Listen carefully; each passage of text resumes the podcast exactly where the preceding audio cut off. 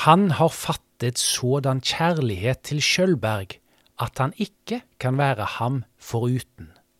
Og det forhold som har oppstått mellom ham og Skjølberg, er det ingen som kan sette seg inn i eller formå at sønderrive. Du hører på podkasten Skeiv historie fra Skeivt arkiv ved Universitetet i Bergen. Jeg heter Bjørn André Vidvei, og i dag så har jeg besøk av eh, historiker Runar Jordåen. Og dette jeg leste innledningsvis nå, eh, dette er fra en ny og spennende oppdagelse. Um, og du kom først over denne saken via ei avisnotis? Ja, det stemmer. Eh, for i 1916 så sto det i Adresseavisa, altså avisa i Trondheim, eh, at det hadde blitt behandla en sedelighetssak mot to homoseksuelle menn da, i eh, byretten.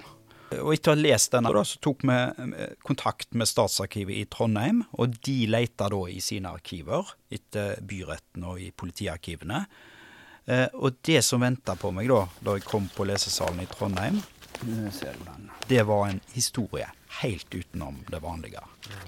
Trondheim politikammer, dommer, akter. Så ja, nå er jeg veldig, veldig spent. det må jeg bare si. Dette har aktet seg på den måten at de har eh, kysset og kjærtegnet hverandre i, og i nerve nærvær eh, og påsyn drevet onani.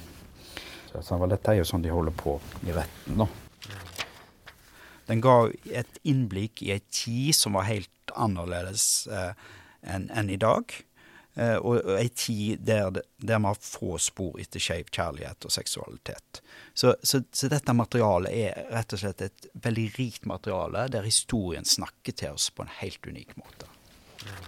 Det står det jo hva de har gjort. da. De har kysset og, og kjærtegnet hverandre. Mm. Det er fint, da.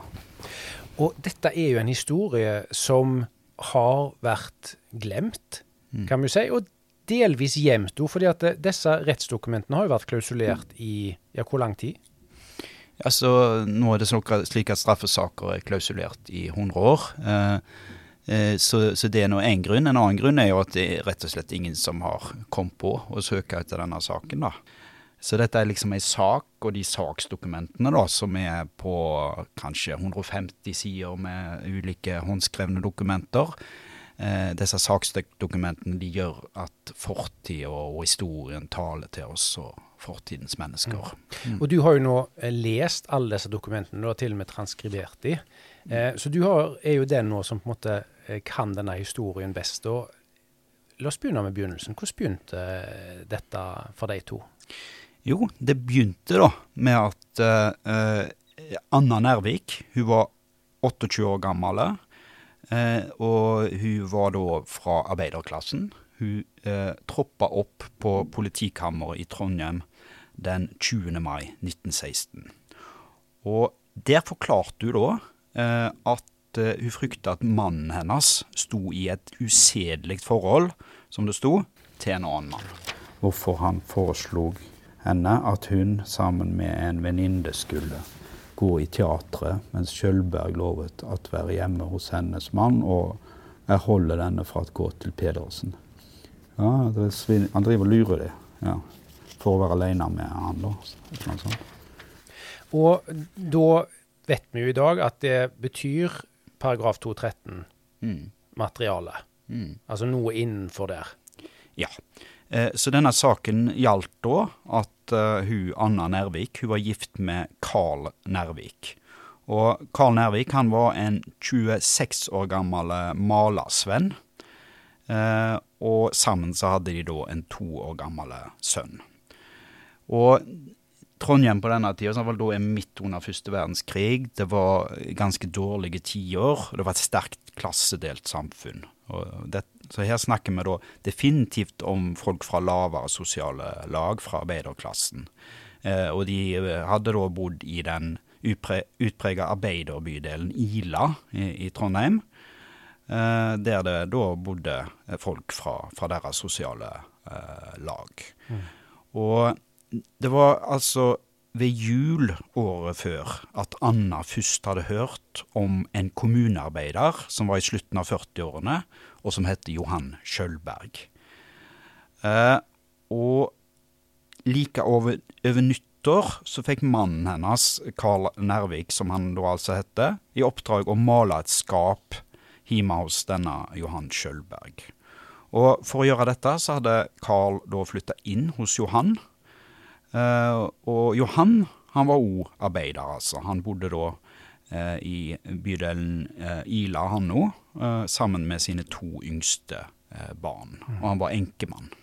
Og da, Det som gjorde at hun, Anna her da rett og slett ble litt bekymra, var det at Carl han hadde ikke lyst til å flytte hjem igjen. Han ble bare boende hos Johan. Ja, han gjorde det, og i starten så hadde det vært greit. Hun hadde da vært hjemme hos sine foreldre eh, ute på Frøya, der hun kom fra, i en litt, eh, i, i, i, noen uker. Så det var greit. Men når han da etter hvert ikke ville flytte hjem, så, så, så begynte hun å bli eh, bekymra, da. Mm. Eh, og når hun kom tilbake da fra Frøya eh, spesielt, da, så kom hun hjem til leiligheten i Trondheim, eller rett utenfor Trondheim, og da fant hun at der mangla det diverse ting i leiligheten. Hun fant verken Carl der, men hun fant heller ikke en del planter, håndarbeider, kopper og gardiner, da. Mm. Så da eh, tok hun med seg mor si, som òg var kommet til byen, og de troppa opp da hjemme hos Johan Skjølberg. Og Der fant de da både disse koppene og plantene og alt dette innboet, og Carl. Og der fikk hun òg, eller iallfall på den tida, så fikk hun òg et brev fra ja. Carl hvor han da ba om skilsmisse, rett og slett? Ja. Så det hadde, jo, hadde hun fått da hun var på Frøya. Eh, så, så jeg var jo klar over her at eh, han var, var i ferd med å, å, gå ut av dette ekteskapet. da. Mm. Men han var ikke noe interessert i å komme hjem, og det ble litt eh, oppheta situasjoner rundt dette her, hvor bl.a. Eh, Johan da gikk inn og kom med noen trusler om at han heller ville Ja, han ville heller drepe Carl enn at han skulle få, få, få dra hjem igjen til kona si. Ja, nettopp. Ja. nettopp, nettopp. Mm. Og det var da dette her på en måte ble brakt inn for politiet? Ja. Eh, for etter hvert så, så klarte hun altså ikke å få han hjem. Uh, og hun hadde uh, fått rykter om at dette forholdet var et slags kjærlighetsforhold. og ja, så hun gikk da til politiet. Mm.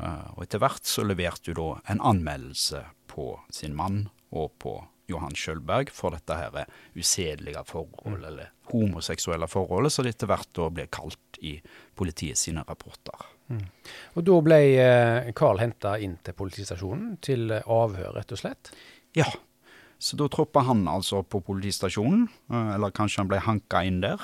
Eh, og Carl han var altså en 26 år gammel mann. Han var relativt liten av vekst, står det i noen av kildene. Og som sagt så jobba han da som malersvenn. Han kom opprinnelig fra en arbeiderfamilie i Orkdal som ligger litt utenfor Trondheim, da, ca. fem mil utenfor uh, Trondheim. Mm. Um, og han ble da forklart grunnen til at han var der, nemlig denne mistanken om dette forholdet. Og i dette første forhøret da, så innrømte han at han eh, tidligere samme år, i lengre tid, hadde bodd hos eh, Johan eh, sammen med hans to barn da, hjemme i den leiligheten på Ila. Mm. Og han innrømte òg rett og slett et, et, forhold mellom de to. Ja. Mm. Eh, og da eh, skriver politikonstabelen eh, i protokollen nå, etter avhøret at eh, dette gjaldt, og anmeldelsen gjaldt straffelovens paragraf 213, eh, som på den tida da eh, fremdeles mm. gjorde seksuell omgang mellom menn straffbart. Men det som vi har jo hørt tidligere, er at paragraf 213 ble jo ganske i liten grad brukt. Mm -hmm. og kun når det var påkrevet av allmenne hensyn. Mm. Så, så, hva var det som gjorde at denne paragrafen ble anvendt denne gangen, tror du? Nei, Det er nok da en sammenfall av mange forhold. Det er dette ekteskapet som kommer inn i bildet. Uh, og altså I uh, paragraf 213 så sto det jo da at uh, utyktig omgjengelse eller seksualitet mellom menn var forbudt, men altså bare når allmenne hensyn tilsa det. da. Og disse allmenne hensynene eh, var da definert nærmere som at det var vakt offentlig forargelse, eller at det var eh, hvis det var skjedd ungdomsforførelse, da. Mm. eh, så den eventuelle eh, offentlige forargelsen som var skjedd her, var jo da at dette forholdet var kjent, og at det var en mann som hadde forlatt si eh, da. da. Men, men uh, uansett så skulle det veldig mye til, selv i et sånt forhold, for at det uh, skulle komme til en mm. tiltale og en dom. Eh, Og eh, det var altså ikke et gitt utfall, heller ikke i denne saken. Nei, og, og, og det, det faktum at Karl var 26 og Johan var 49, det hadde ingenting å si her. Det handla ikke om ungdomsforførelse, for en mann på 26 år er jo ingen ungdom.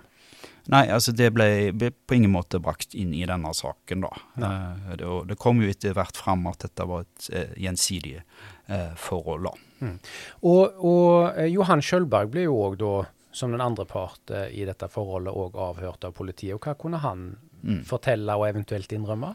Altså Det var jo sånn at Carl innrømte det eh, umiddelbart, eh, men når Johan da ble innbrakt på, til politiet, så var det først, eh, etter som det står, etter inngående og skarp eksaminasjon at han innrømte forholdet. Eh, men når han først gjorde det, så innrømte han òg at han hadde begynt med å ha seksuelle forhold til menn fire år tidligere.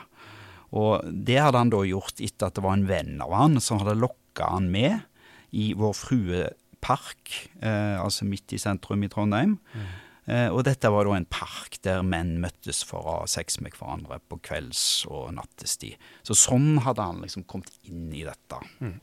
Men eh, politiet da i første omgang eh, etter disse to avhørene landa rett og slett på at eh, saken inntil videre stilles i bero, eh, under forutsetning da eh, av at Karl og Johan rett og slett holdt seg vekke fra hverandre. Ja, så det fikk de da beskjed om, at de skulle holde seg vekke fra hverandre. Eh, Men statsadvokaten var òg inne i bildet, og, og, og, og, minnet da politiet på at de måtte følge saken videre og, se om de klarte å holde seg fra hverandre. da. Så saken kunne egentlig ha enda med det, eh, at politiet kom med en slik advarsel. Men eh, kanskje ikke så overraskende, så klarte de jo selvfølgelig ikke å holde seg fra hverandre. Nei. Eh, så dette, denne saken bare fortsatte. Ja, ja, ja. Så Johan han kom rett ut av eh, forhøret og gikk rett og oppsøkte Carl, og de gikk en tur sammen, og de overnatta sammen igjen. Eh, men dagen etterpå så dro da Carl til eh, sine foreldre i Okdalsøra. Og eh, ikke lenge etterpå så kom òg Johan samme retning, og de reiste da videre til gruesamfunnet Løkkenverk eh, i Sør-Trøndelag. Og da begynte de å, å jobbe der, da. Ja, eh, så de fikk seg jo da jobber. Eh, Carl han eh, som maler, da, som jo var yrket hans, og Johan han fikk da eh, en jobb på Løkkenverk så, med lasting av malm. Da. Så dette var jo et gruvesamfunn, da. Men, eh, men politiet fulgte litt med de allikevel. De fikk besøk av en lensmann. Ja, fordi det, dette gikk det rykter om eh, helt til Trondheim, da, at de hadde flytta sammen der. Så, så da, eh, siden dette var, var sju mil utenfor Trondheim, så var det lensmannen i Meldal som fikk i oppdrag da, å, å undersøke dette nærmere. Og da troppa han opp på Løkkenverk og møtte på Carl. Eh, og han forklarte da at de hadde kommet der eh, ikke så lenge før, eh, og at de hadde fått seg jobb, og at de hadde eh, fått seg en slags leilighet da, i en av de såkalte arbeiderbrakkene på verket. Og Carl han mente da at det ikke hadde vært noe usedelighet, men de hadde altså bodd sammen.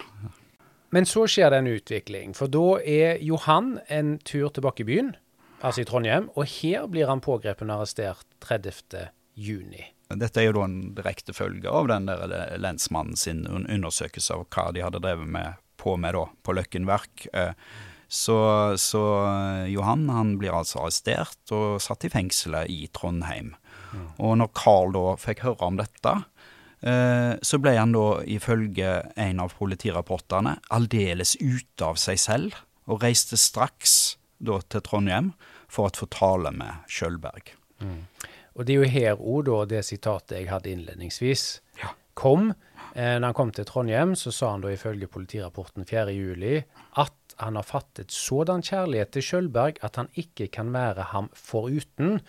Og det forhold som har oppstått mellom ham og Skjølberg, er det ingen som kan sette seg inn i eller formå at sønderrive, altså klare å rive fra hverandre eller få Mm. til å ta slutt.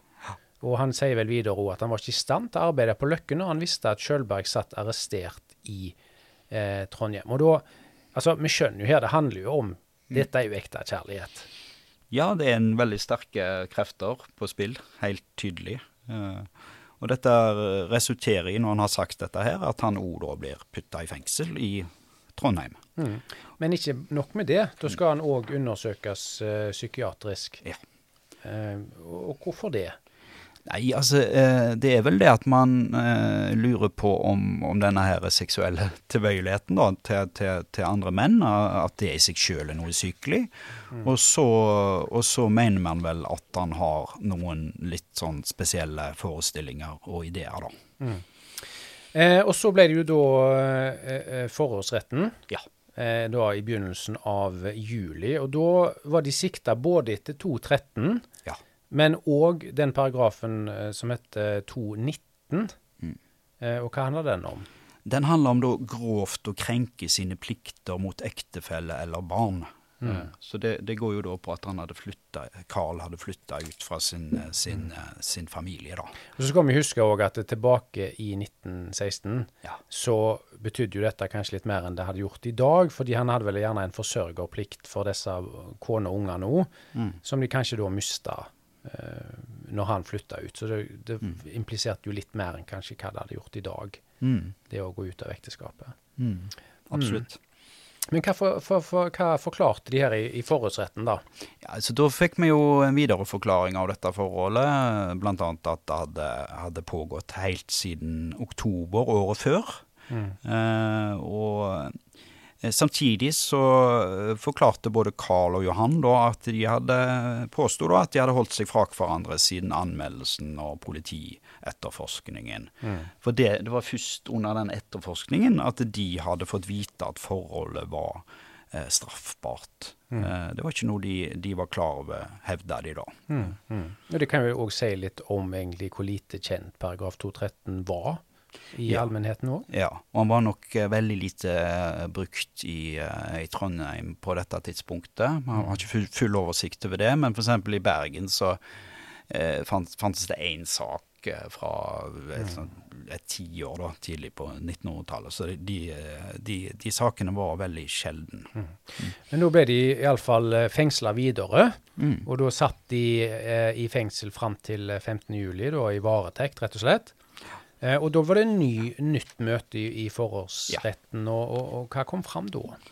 Eh, da eh, forteller de litt videre om forskjellige ting. Han forteller om sitt forhold til kona Anna, så, altså Carl, som han hadde eh, møtt i eh, 1912, og som hadde blitt gravid, og at det hadde vært en forelskelse, da. Eh, men at den forelskelsen fort hadde gått over, da. Så samtidig som han hadde vært gift, så hadde han òg hatt uh, ulike forhold til menn, eh, sa han da. Men han fortalte vel òg her, står det, at han gifta seg med henne nettopp fordi hun ble gravid. Ja, som jo kanskje var vanlig på den tida òg. Det, det er nok òg ganske vanlig ja, på den tida. Så, men så, og, og i tillegg så kommer jo da Anna, altså kona, i uh, rettssalen. Og hun forteller da at forholdet først hadde vært et bra ekteskap. Eh, og at du først da, etter å ha begynt å få høre da, disse ryktene om, om eh, dette forholdet, da, eh, om at Johan var Carl sin kjæreste. Og det er jo interessant at de bruker et sånt begrep, kjæreste, eh, på denne tida om et forhold mellom to menn. Eh, så, så først hadde du ikke trodd på dette her ryktet. Eh, men så hadde du altså etter hvert da gått eh, funnet ut at det var noe i det, da. Vi skal snakke litt mer om eh, denne psykiatriske undersøkelsen som yngstemann Carl eh, ble satt til å gjennomgå. For der er det noen interessante funn du har gjort i, i, i de papirene du har, har kommet over der. Ja da, for det blir altså da gjort en sånn legeerklæring, da. Så denne legen han er i rettssalen, og han ser på dokumentene i saken og snakker med Carl. Eh, og da merker han seg da øh, forskjellige ting, da. Eh, blant annet da så at, at Carl på en måte ikke eh, mener at han er skyld i det som har skjedd. Han ser seg derimot som den som er forutretta, da, som er offeret i denne saken, eh, og legger skylden på kona. Og I tillegg så eh, sier han jo en del om denne her eh, tiltrekningen til andre menn. da. Mm. og Der er det noen sitater som er ganske interessante, da, for du får innblikk i hans egne tanker rundt dette. Mm. Ja, så Her sier han f.eks.: ved forespørsler om hans abnorme seksuelle tilbøyeligheter opplyser han at disse finnes fra de høyeste til de laveste. Og Han nevner bl.a. Aleksander den store, Katarina av Russland og ikke minst romerne. Så han er jo litt belest her òg. Han har jo på en måte fått med seg noe historie her.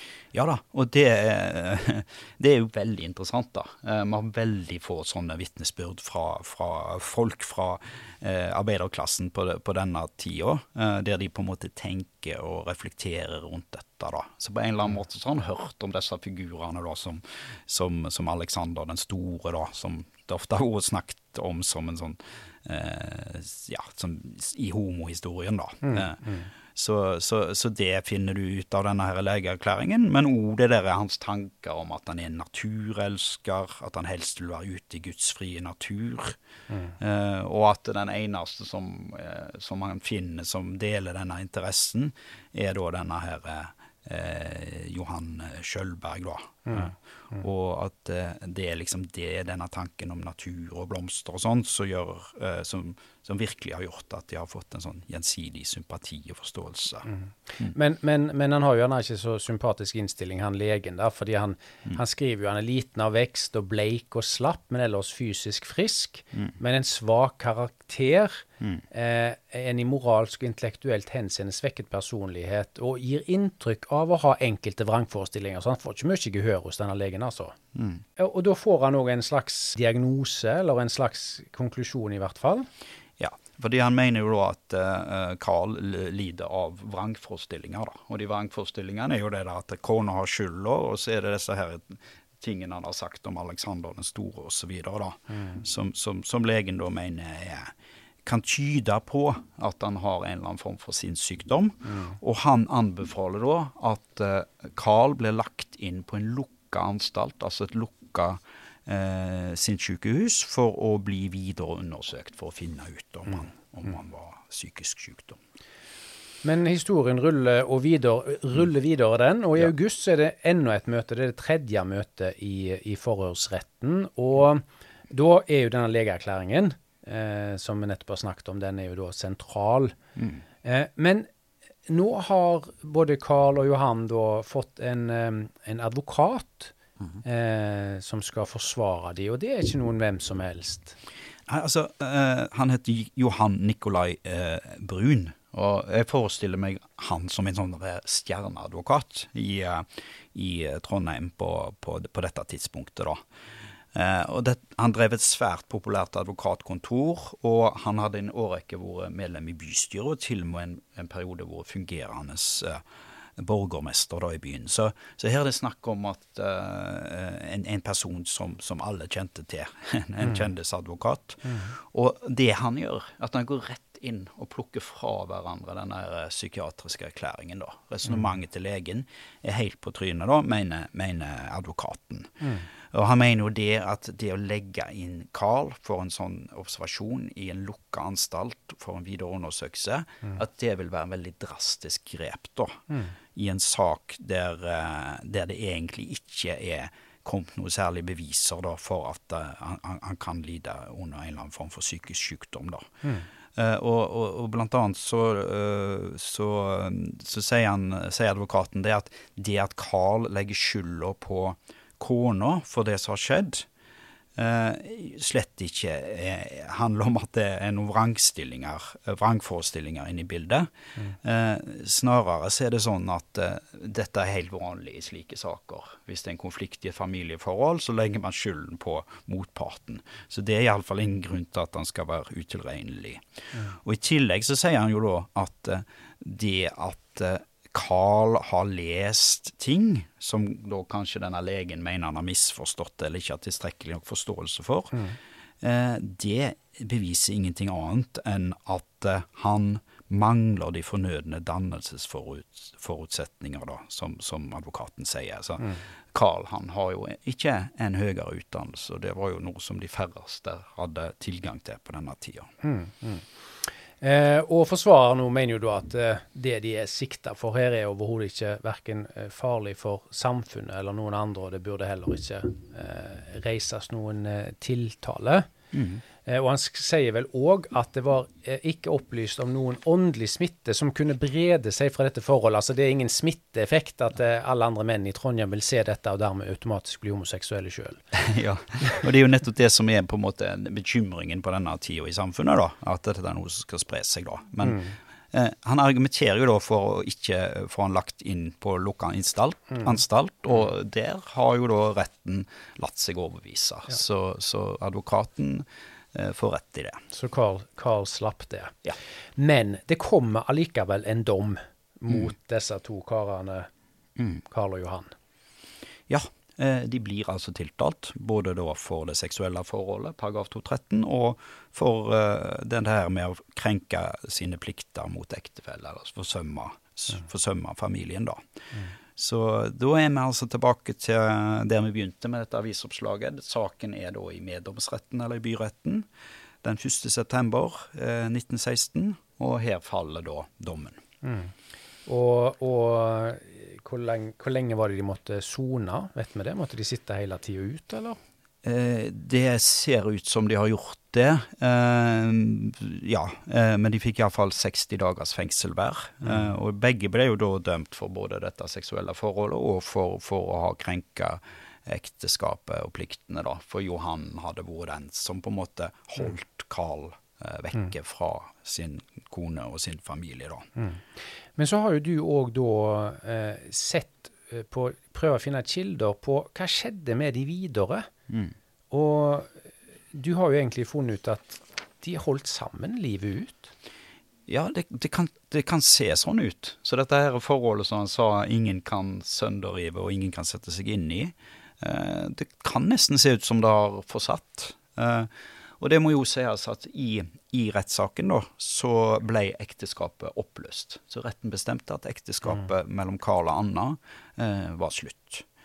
Eh, og så vet vi ikke hva som skjer med de det første året, halvannet året. Men så er, ser vi det utrolige. Man slår opp i eh, dåtidens eh, telefonkatalog, som er adressebøkene for Trondheim. Og så finner vi i 1918 så bor de på samme adresse, Ja. de to. Og, og i de folketellingene som kommer framover òg, så ser man òg det at eh, de fortsetter å bo sammen. Ja. Bytter riktignok en adresse etter hvert, Ja. men, men fortsetter å bo sammen i, altså i flere tiår. Ja, ja, ja. Og, det, og nettopp det at de flytter eh, altså Hvis de hadde bodd på samme sted og bodd sammen, eh, er jo én ting. Men, men de flytter fra den ene adressen til den andre i Trondheim. Og hele veien så er det, er det de to. Så de bor i Wessels gate, i Kongens gate, i Smedbakken. Og til slutt da er på en adresse som heter Ilevollen 3B. Som jeg tror i dag da heter Nidareid 7. Her må jo de som er lokalkjent i Trondheim eh, ila til å hjelpe oss. Men mm. det, det ser altså ut som de bor sammen i åra vi sitter på. Mm. Og faktisk eh, så bor de helt sam sammen helt til at Johan døde da i 1955. Og da var Johan en veldig gammel mann. Det må han jo veldig ha vært, ja, for han var jo 49 år i 1916. Så det, Ja. Eh, og ehm, det ser jo ikke ut som den, den såkalte skandalen fra 1916 nødvendigvis har hatt så mye å si. fordi du fant jo ut òg at uh, i, i, i gravferden til Johan så, så var det jo uh, veldig godt besøkt, og han fikk gode skussmål, hvis man kan si det, rett og slett. Ja da. Det, det blir jo sagt at han uh, Ja, at han Det var en godt besøkt begravelse. Eh, og han ble beskrevet som en gammel og strevsom og saktmodig mann. Eh, og, og, og at både barn, barnebarn og oldebarn var til stede, da. Ja. Og, og hvordan gikk det med yngstemann Carl? Han levde noen år til alene. ja. Ikke så mange eh, år, bare fire år, så han døde i 1959. Eh, denne historien som du nå har gjenoppdaga. eh, hva har du lyst til å gjøre med den videre, for å prøve å finne enda flere tråder og finne enda mer kjøtt på beinet? Altså det, som er, altså det som gjør saken såpass interessant, da, dette er jo bare én sak, eh, så du får ikke det brede bildet med å se på flere saker, men, du- men du får en dybde. eh. Så du kan f.eks. få det der her med at eh, hvordan de så på seg sjøl, hvordan han reflekterte om historie i forhold til det med homoseksualitet. Eh, for eksempel så sier Johan om Carl at Karl Carl han var av den natur at han er glad i mannspersoner. Det, det, finnes, det er jo da en sånn tankegang da, om at det fins noen mennesker som, har, som er glad i mannspersoner, da, som, som gir oss et innblikk i den tida. Så, så det å utforske denne saken videre eh, kan gi oss et, eh, gi, et, gi oss mange eh, tanker da, som, som går utover bare den ene saken. Da. Eh, og, og det som jeg har lyst til å gjøre videre, eh, i tillegg til å eh, forske enda litt dypere i rettsmaterialet fra 1916, så er det den historien om hvor, hva det blir av de videre. Altså Når vi sitter og bodde sammen eh, hele livet, men hva var innholdet i deres samliv eh, resten av livet? Mm. og eh, egentlig så ønsker jeg aller helst at, å komme i kontakt med folk som kan ha huska disse personene. Det vil da si kanskje først og fremst etterkommere, men kanskje også andre som, som kan ha kjent disse personene. Selv om det begynner å bli en god del tiår siden 50-tallet, når de døde. da. Men sånn, i begravelsen til, til Johan, Ja. så var det jo både barn, barnebarn, ikke minst oldebarn til stede. Så hvis det var oldebarn til stede i 1955, Mm. så snakker vi egentlig bare om godt voksne folk i dag. Ja. Så de, de bør jo absolutt være noen slektninger Mm. eh, etter deg. Ja, altså Vi har, vi har f.eks. ikke funnet bilder av de to. Nei. Eh, og ja, Så dette er jo en sånn interessant sak der du kan se på skriftlige kilder som ligger i domstolsarkiver, som gir et veldig sånn levende bilde av tid og hvordan folk har tenkt og sånne ting. Og så kan, kan man kombinere det med, med muntlige kilder. da. Eh, og det, det, ja, det tenker jeg vil utdype vårt uh, bilde av dette. Og så kan man jo tenke seg uh, uh, at man får et innblikk i at det ikke bare var mørkt, det var òg muligheter for to menn å bo sammen. På tross av at de da ble dømt for dette. da. Noe de færreste ble, men, men på tross av det så, så kunne de altså fortsette å bo sammen resten av livet. Du har hørt på podkasten Skeiv historie fra Skeivt arkiv ved Universitetet i Bergen. Mitt navn er Bjørn André Vidvei, og jeg har snakket med historiker Runar Jordåen. Vi vil òg takke Stian Hårstad i Trondheim, som har bidratt med å finne opplysninger om Carl og Johans familiebakgrunn og deres videre skjebne, og ikke minst adresser. Og takk til Arkivverket og Statsarkivet i Trondheim, spesielt Vigdis Stensby og Merete Larsen.